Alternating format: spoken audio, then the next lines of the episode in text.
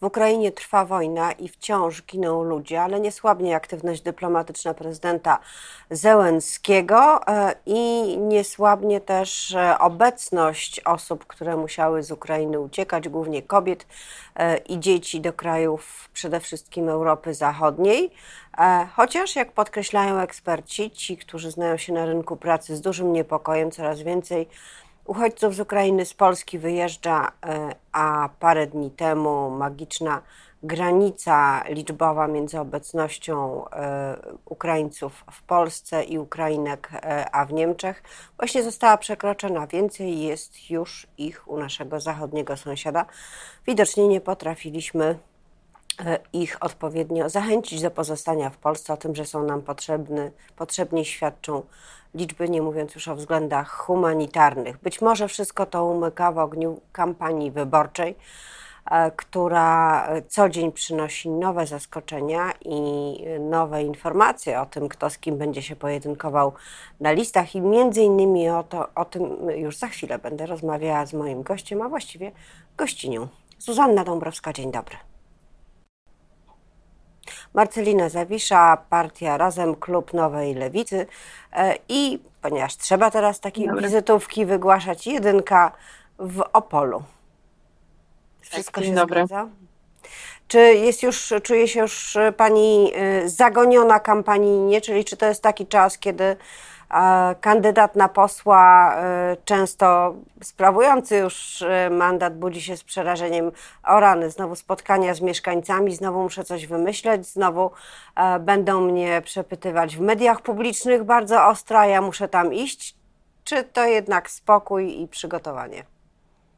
Spokój i przygotowanie. Przede wszystkim to, co jest ważne, to że my spotykaliśmy się z mieszkańcami, mieszkankami przez cały czas, e, ponieważ dla nas ten dialog e, z obywatelami, obywatelkami, grupami społecznymi, związkami zawodowymi był kluczowy, w związku z czym tutaj e, siła spokoju a jeśli chodzi o przepytywanie przez media publiczne, no to jestem przedstawicielką jednej z partii opozycyjnych. E, mamy to od czterech lat e, nieustannie, w związku z czym tu również myślę, że niczym specjalnie nas nie zaskoczą. Jedyny co mnie osobiście bardzo zaskoczyło, to mobilizacja mediów publicznych, ponieważ nagle okazało się, że o ile przez cztery lata nie było ich prawie nigdzie, teraz są wszędzie. No ale rozumiem, że tutaj dostali pewną dyspozycję i muszą ją realizować w trakcie kampanii wyborczej, ale my jesteśmy jak najbardziej przygotowani i jak najbardziej E, gotowi do tej kampanii. E, dopinamy ostatnie szczegóły, e, ale to, co jest kluczowe, to że teraz odbywają się zbiórki podpisów, przygotowanie ostatnich materiałów i za chwilę myślę, że kampania ruszy pełną parą. A w jakim procencie listy lewicy są gotowe? Dlaczego, jeśli są gotowe, to dlaczego jeszcze nie zostały złożone? I e, oczywista konsekwencja, kiedy zostaną w takim razie złożone? E, kodeksowo jest tak, że można je składać do 6 września, e, w związku z czym my jeszcze zbieramy podpisy, bo dla nas to już jest tak naprawdę element kampanii. E, rozmowy na ulicach przy zbiórce podpisów to jest coś, co dla partii politycznej jest po prostu mm, no, niezbędne do tego, żeby, żeby tą kampanię rozpocząć. My zbieramy podpisy we wszystkich okręgach. Zbieramy zarówno w województwie opolskim, mazowieckim, zachodniopomorskim, pomorskim, lubuskim, lubelskim, jakby w każdym województwie, gdzie będziemy startować, a startujemy przecież ogólnopolsko, e, trwają zbiórki podpisów zarówno pod listami do Sejmu, jak i do Senatu, e, bo oczywiście również uczestniczymy w pakcie senackim, w związku z czym jeśli chodzi o listy, to myślę, że spokojnie można powiedzieć, że to jest 99% gotowych list. W wielu regionach one już zostały upublicznione, przekazane do mediów, e, jeśli chodzi o jedynki, dwójki, trójki, ostatnie miejsca, tutaj już wszystko jest zakończone, e, więc tak naprawdę chodzi tylko o to, żeby e, teraz dopełnić tych formalności, które wszystkie komitety muszą dopełniać. E, myślę, że najpóźniej będziemy się rejestrować 4 września, ale wiem, że w wielu regionach planują to zrobić dużo wcześniej, ponieważ w wielu regionach mamy już w zasadzie te podpisy zebrane. A ten 1% niepewny czego dotyczy? E, to są ostateczne e, takie mm, sytuacje, gdzie ktoś na przykład zorientował się, że jest urzędnikiem i nie powinien startować, ale bardzo by chciał, bardzo wspiera, e, ponieważ no wiadomo, że tutaj osoby również mają sytuacje życiowe, że na przykład, nie wiem, pochorowała się osoba w rodzinie, w związku z czym nie chcą poświęcać tego czasu na kampanię, tylko na pomoc i wsparcie osobie ciężko chorej, więc to są tego typu sytuacje i do 4 września, czyli do tego momentu rejestracji po prostu takie sytuacje się jeszcze zdarzają. No mówimy tutaj o setkach osób, tak, to, to, to jest E, to jest 41 e, okręgów e, od 7 do 14 czy 20 mandatów, jak w Warszawie, w związku z czym to jest naprawdę ogrom, ogrom kandydatów i kandydatek, w związku z czym no, takie sytuacje życiowe niestety czasami się zdarzają. Mam nadzieję, że będą się zdarzać najrzadziej, jak to jest możliwe, ale tak jak mówię, no, to są tego typu, tego typu sytuacje, w związku z czym no, te listy już w zasadzie są dopięte, więc um, jeśli gdziekolwiek się zdarzają tego typu rzeczy, no to właśnie one wynikają z takich um, codziennych życiowych spraw. A w ilu okręgach lewica może liczyć na więcej niż jeden mandat? Bo rozumiem, że ten jeden mandat w okręgu to jest absolutne minimum, e, ale gdzie, może, gdzie mogą być nadwyżki? E, myślę, że Pomorze jest tutaj takim okręgiem e, zachodniopomorskie. Kraków do tej pory miał dwa mandaty, Dolny Śląsk, Wrocław, Jelenia Góra, tam mieliśmy dwa mandaty. Myślę, że tam, gdzie do tej pory te dwa, trzy mandaty były, myślę, że to jest do utrzymania dla lewicy. To, o co się bijemy, to o to, żeby tych mandatów było więcej. Na przykład mamy fantastyczne kandydatki, które no, do tej pory nie miały mandatu, ale mam nadzieję, że uda się dla nich ten mandat wywalczyć. To jest na przykład Dorota Olko w Warszawie, E, która startuje z czwartej pozycji. E, to jest e, utrzymanie mandatu w Krakowie dla Darii Gosek-Popiołek, która startuje z drugiego miejsca w Krakowie. To są fantastyczne działaczki, fantastyczne kobiety, które przez lata pokazały, że zajmują się zarówno kwestią praw kobiet, prawem do aborcji, ale także prawem pracy, także kwestiami związanymi z ochroną środowiska, z tymi rzeczami, które po prostu dla nas, obywateli i obywatelek tego kraju są kluczowe.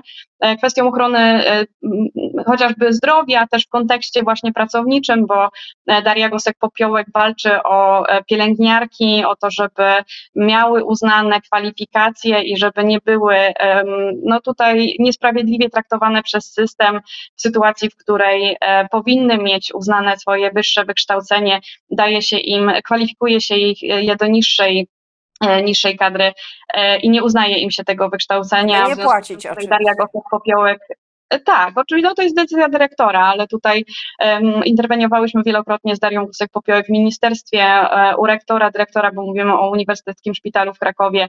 Um, Daria Gosek-Popiołek wspólnie ze mną zresztą również walczy o pracowników niemedycznych, czyli salowe i sanitariuszy. Ja nie wątpię w kwalifikacje pani, pani poseł Darii Gosek-Popiołek, ale jednak nie mogę nie zauważyć, że wymieniła pani akurat kandydatki z partii Razem, co prowokuje mnie do pytania, e, czy Razem liczy na więcej mandatów niż miało do tej pory? Jeżeli tak, to, to jak to robicie? Jaka jest strategia tej mniejszej partii e, w nieoficjalnie koalicyjnym e, komitecie wyborczym? Nieoficjalnie, bo koalicji w zasadzie nie ma, idziecie na listach Nowej Lewicy? E, myślę, że to um, będzie jakby te cztery lata, a w zasadzie te osiem lat funkcjonowania partii razem, to był ten czas, kiedy nasze kandydatki dały się poznać jako właśnie te osoby, które walczą o sprawy ważne dla obywateli i obywatelek e, i ich rozpoznawalność zarówno w regionie, jak i ogólnopolsko jest e, ogromna. To jest Marta Stożek w Krakowie, gdzie liczymy na drugi mandat właśnie jako partia razem.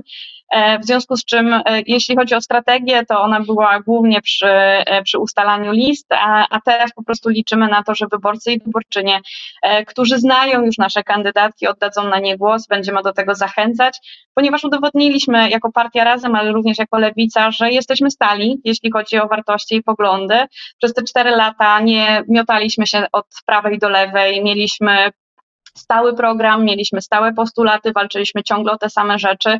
To jest kwestia tanich mieszkań na wynajem, które e, mogłyby być alternatywą dla zakupu mieszkania dla na przykład e, kwiaciarek, taksówkarzy, pielęgniarek, nauczycielek, państwo musi wziąć odpowiedzialność w tym obszarze. To jest kwestia do, dofinansowania budżetówki, tak żeby pracownicy, którzy są szeroko rozumianą budżetówką, mieli środki na życie i nie tylko do, na to, żeby przetrwać od pierwszego do pierwszego, ale również, żeby pojechać na wakacje, kupić dzieciom, e, nie wiem, jakieś buty w sytuacji, w której są potrzebne, a państwo polskie zawiodło budżetówkę. My wielokrotnie składaliśmy poprawkę która zapewnia 20% e, wzrost wynagrodzeń dla budżetówki. I to jest jedna z pierwszych rzeczy, których nie trzeba będzie się zająć, ponieważ państwo musi być tym, który pokazuje, jak zatrudniać, jak być dobrym pracodawcą, a w tym momencie niestety państwo polskie nie jest dobrym pracodawcą. To jest kwestia pani, to jest... Pani poseł, e, wspomniała Pani o ochronie zdrowia i chciałabym do tego tematu wrócić, bo mamy w trakcie tej gorącej wyborczej walki zmianę na stanowisku e, ministra zdrowia e, przyszła nowa pani minister po, no, chyba można powiedzieć, bardzo złej końcówce ministra Niedzielskiego na tym stanowisku i od razu okazało się, że się pojawiły problemy. Okazało się, że na przykład między innymi system E, danych pacjentów jest dostępny, danych wrażliwych, jest dostępny dla wszystkich innych lekarzy w systemie oraz dla osób, które są w stanie się jako lekarz zalogować, bo tak też może przecież e, być. E, duże wyzwania ma przed sobą nowa minister? E, ja myślę, że ona może nie zdążyć podołać, ponieważ mam nadzieję, że już w październiku będzie tworzony nowy rząd z obecnej opozycji. My mamy na to proste rozwiązanie i ono już jest stosowane w wielu innych obszarach, w związku z czym to nie jest rozwiązanie, które E, nie wiem, jest jakoś rewolucyjne, ale które w rewolucyjny sposób naprawiłoby poczucie bezpieczeństwa, ponieważ to, co warto podkreślić, to, że to poczucie bezpieczeństwa zostało nadwyrężone po tym, jak minister Niedzielski opublikował dane, do których po pierwsze nie powinien mieć dostępu, a po drugie, których nie powinien publikować. Nasze rozwiązanie jest proste, to znaczy zawieszenie systemu to jest tylko i wyłącznie naklejenie plastra na ten system. To, co my proponujemy, to są dwie rzeczy. Pierwsza rzecz to jest to, żeby pacjent każdorazowo dawał zgodę lekarzowi na dostęp do jego danych medycznych. Czyli idę do na przykład lekarza specjalisty, kardiologa. E, on e, prosi mnie o dostęp, ja dodaję mu ten dostęp w ramach systemu, wszystko się zgadza, wszystko jest wspaniale. Tak samo z farmaceutami, fizjoterapeutami, wszystkimi innymi pracownikami ochrony zdrowia. E, no bo wiadomo, że farmaceuta również tutaj może sprawować kontrolę na przykład nad lekami, które przepisują nam różni specjaliści i chodzi o to, żeby mieć dostęp do ogółu danych, tak? czyli do ogółu danych w systemie, w ramach systemu. E, to może być po prostu zautomatyzowane, to znaczy jeśli umawiam się na wizytę, to automatycznie zgadzam się na to, żeby ten lekarz miał dostęp do moich danych wszystkich.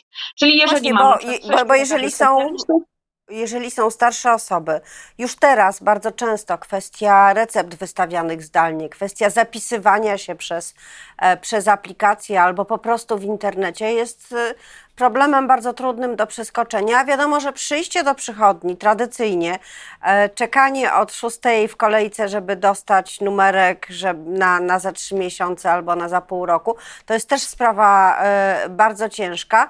To trochę jest tak, że te osoby, które mają dobrą e, orientację w możliwościach internetu i w tym wszystkim, co zostało stworzony i przez państwo, i przez poszczególne placówki, przez cały system, no, są w lepszej po prostu sytuacji niż te osoby, które już za tym nie nadążą, bo są starsze albo niepełnosprawne. Oczywiście. Oczywiście, więc to spokojnie można rozwiązać w taki sposób, że po prostu osoba, która zapisuje się do lekarza, automatycznie zgadza się po prostu na to, żeby ten lekarz miał dostęp do moich danych, do wszystkich, ponieważ wiadomo, że kiedy na przykład osoba starsza, dokładnie tak jak pani redaktor mówi, e, chodzi do lekarza specjalisty, to na ogół nie chodzi do jednego, tak? Tylko chodzi do urologa, kardiologa, neurologa, w związku z czym e, ta, ten lekarz e, pracownik ochrony zdrowia powinien mieć dostęp do wszystkich danych, żeby na przykład nie przepisywać leków, które się wzajemnie wykluczają. Jak najbardziej to powinno mieć e, dostęp. Ale jeżeli jakiś inny lekarz chce mieć dostęp do moich danych, to on musi uzyskać taką zgodę. I teraz druga rzecz.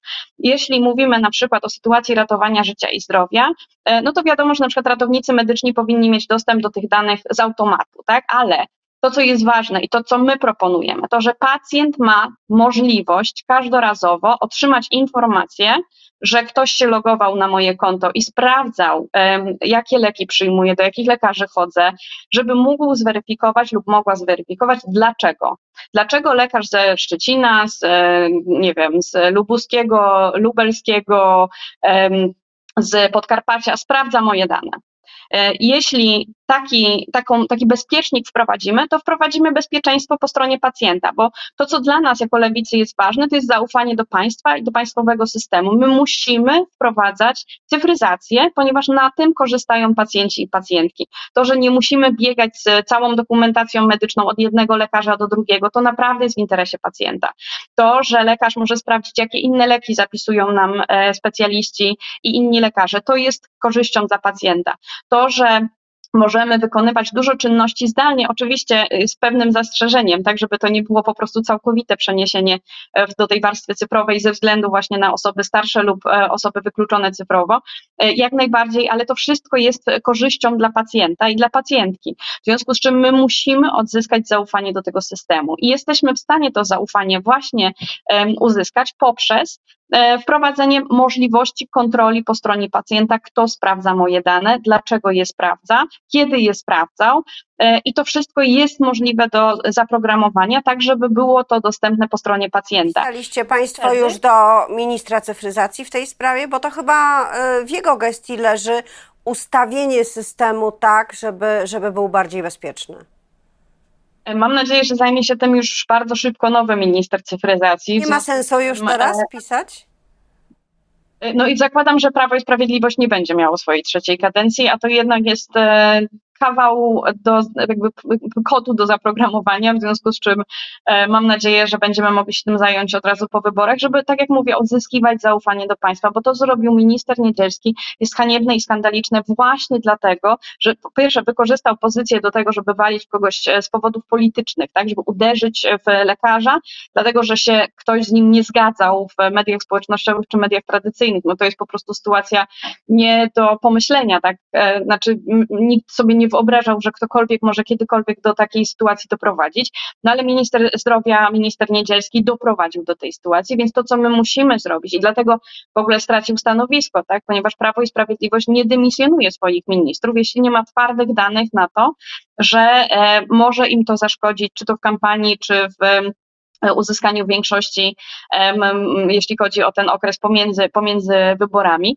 E, I myślę, że wyszło im bardzo jasno, że ludzie poczuli się zagrożeni. To znaczy, że co, że jeżeli ja pójdę i będę, nie wiem, walczyć z jakimś radnym, z jakimś e, protegowanym kogoś z Prawa i Sprawiedliwości, to za chwilę wyciągną mi historię moich chorób e, i wszystkie leki, którymi, które przyjmuję. To jest to są dane wrażliwe i w związku z tym, że to są dane wrażliwe, państwo powinno zrobić absolutnie wszystko, żeby te dane po prostu e, zachować. Ale to jest tylko i, i wyłącznie jeden mały element tego systemu, bo to, co robi Prawo i Sprawiedliwość, jeśli chodzi o system ochrony zdrowia, to oni oszukują na dużo większym poziomie. Tak? Znaczy, oni burzą to zaufanie pacjentów do systemu na dużo większym poziomie e, poprzez swoją ustawę o nakładach na ochronę zdrowia, ponieważ e, to jest e, w ogóle największy skandal rządów Prawa i Sprawiedliwości, to jest, że oni oszukują pacjentów i pacjentki, ludzi ciężko chorych, ludzi, którzy naprawdę potrzebują pomocy i wsparcia systemu e, i nie mogą się tego wsparcia e, doczekać i jednocześnie słyszą piękne słowa z,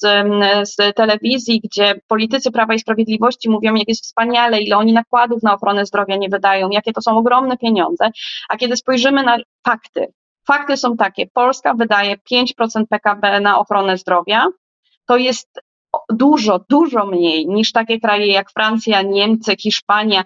My nie dogonimy tych krajów, jeśli chodzi o system ochrony zdrowia, chociaż nakłady, tego systemu. Chociaż nakłady w liczbach bezwzględnych oczywiście wzrosły, tylko że y, nie tak. zmieniło to struktury wydatków. Oczy, znaczy, chodzi o to, o ile zwiększyła się liczba świadczeń. E, bo to, że zwiększają się nakłady, w liczbach bezwzględnych, to jasne. Tylko problem jest taki, że zwiększają się wyceny świadczeń medycznych, zwiększają się koszty obsługi szpitali, zwiększają się e, pensje pracowników ochrony zdrowia i oczywiście to ostatnie jest jak najbardziej e, sensowne i ważne i trzeba w końcu zapewnić pracownikom ochrony zdrowia bardzo dobre finansowanie, czy to medycznym, czy niemedycznym, ponieważ niemedyczni również tworzą system ochrony zdrowia, ale jeżeli spojrzymy na to, o ile wzrosła liczba świadczeń, no to świetnie, E, Prawo i Sprawiedliwość e, pięknie pokazuje tą propagandę, jeśli chodzi o liczby bezwzględne e, nakładów, wzrost nakładów na ochronę zdrowia, ale liczba świadczeń wzrosła tylko o 3%.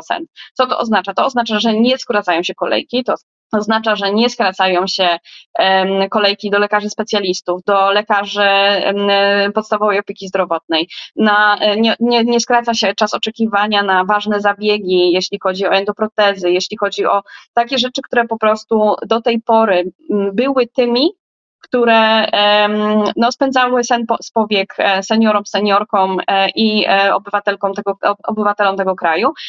W związku z czym to, co trzeba zrobić, to po pierwsze zwiększyć nakłady i to radykalnie, zmienić tą ustawę pisowską, która zakłamuje rzeczywistość, ponieważ Prawo i Sprawiedliwość potrafi liczyć dobrze, bo na przykład w przypadku wojska liczy do roku bieżącego. W przypadku e, zdrowia liczy dwa lata wstecz. W związku z Pani czym. Poseł, ostatnie zdanie. Pacjenci doskonale zdają sobie sprawę z tego, że to oszustwo ma miejsce, ponieważ idą do lekarza i tak samo jak wcześniej muszą czekać w kolejce, tak samo jak wcześniej nie mają dostępu do zabiegów, które powinny być zabiegami e, realizowanymi szybko, ze względu na to, że nie tylko ratują życie i zdrowie, ale również poprawiają komfort funkcjonowania, pozwalają na przykład wrócić do pracy.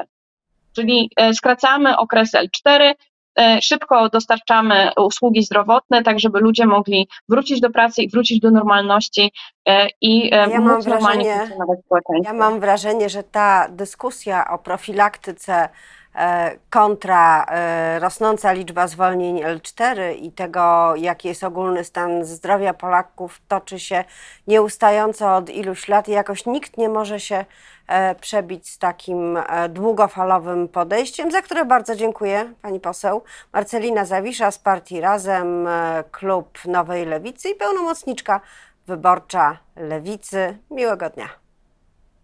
Dziękuję bardzo.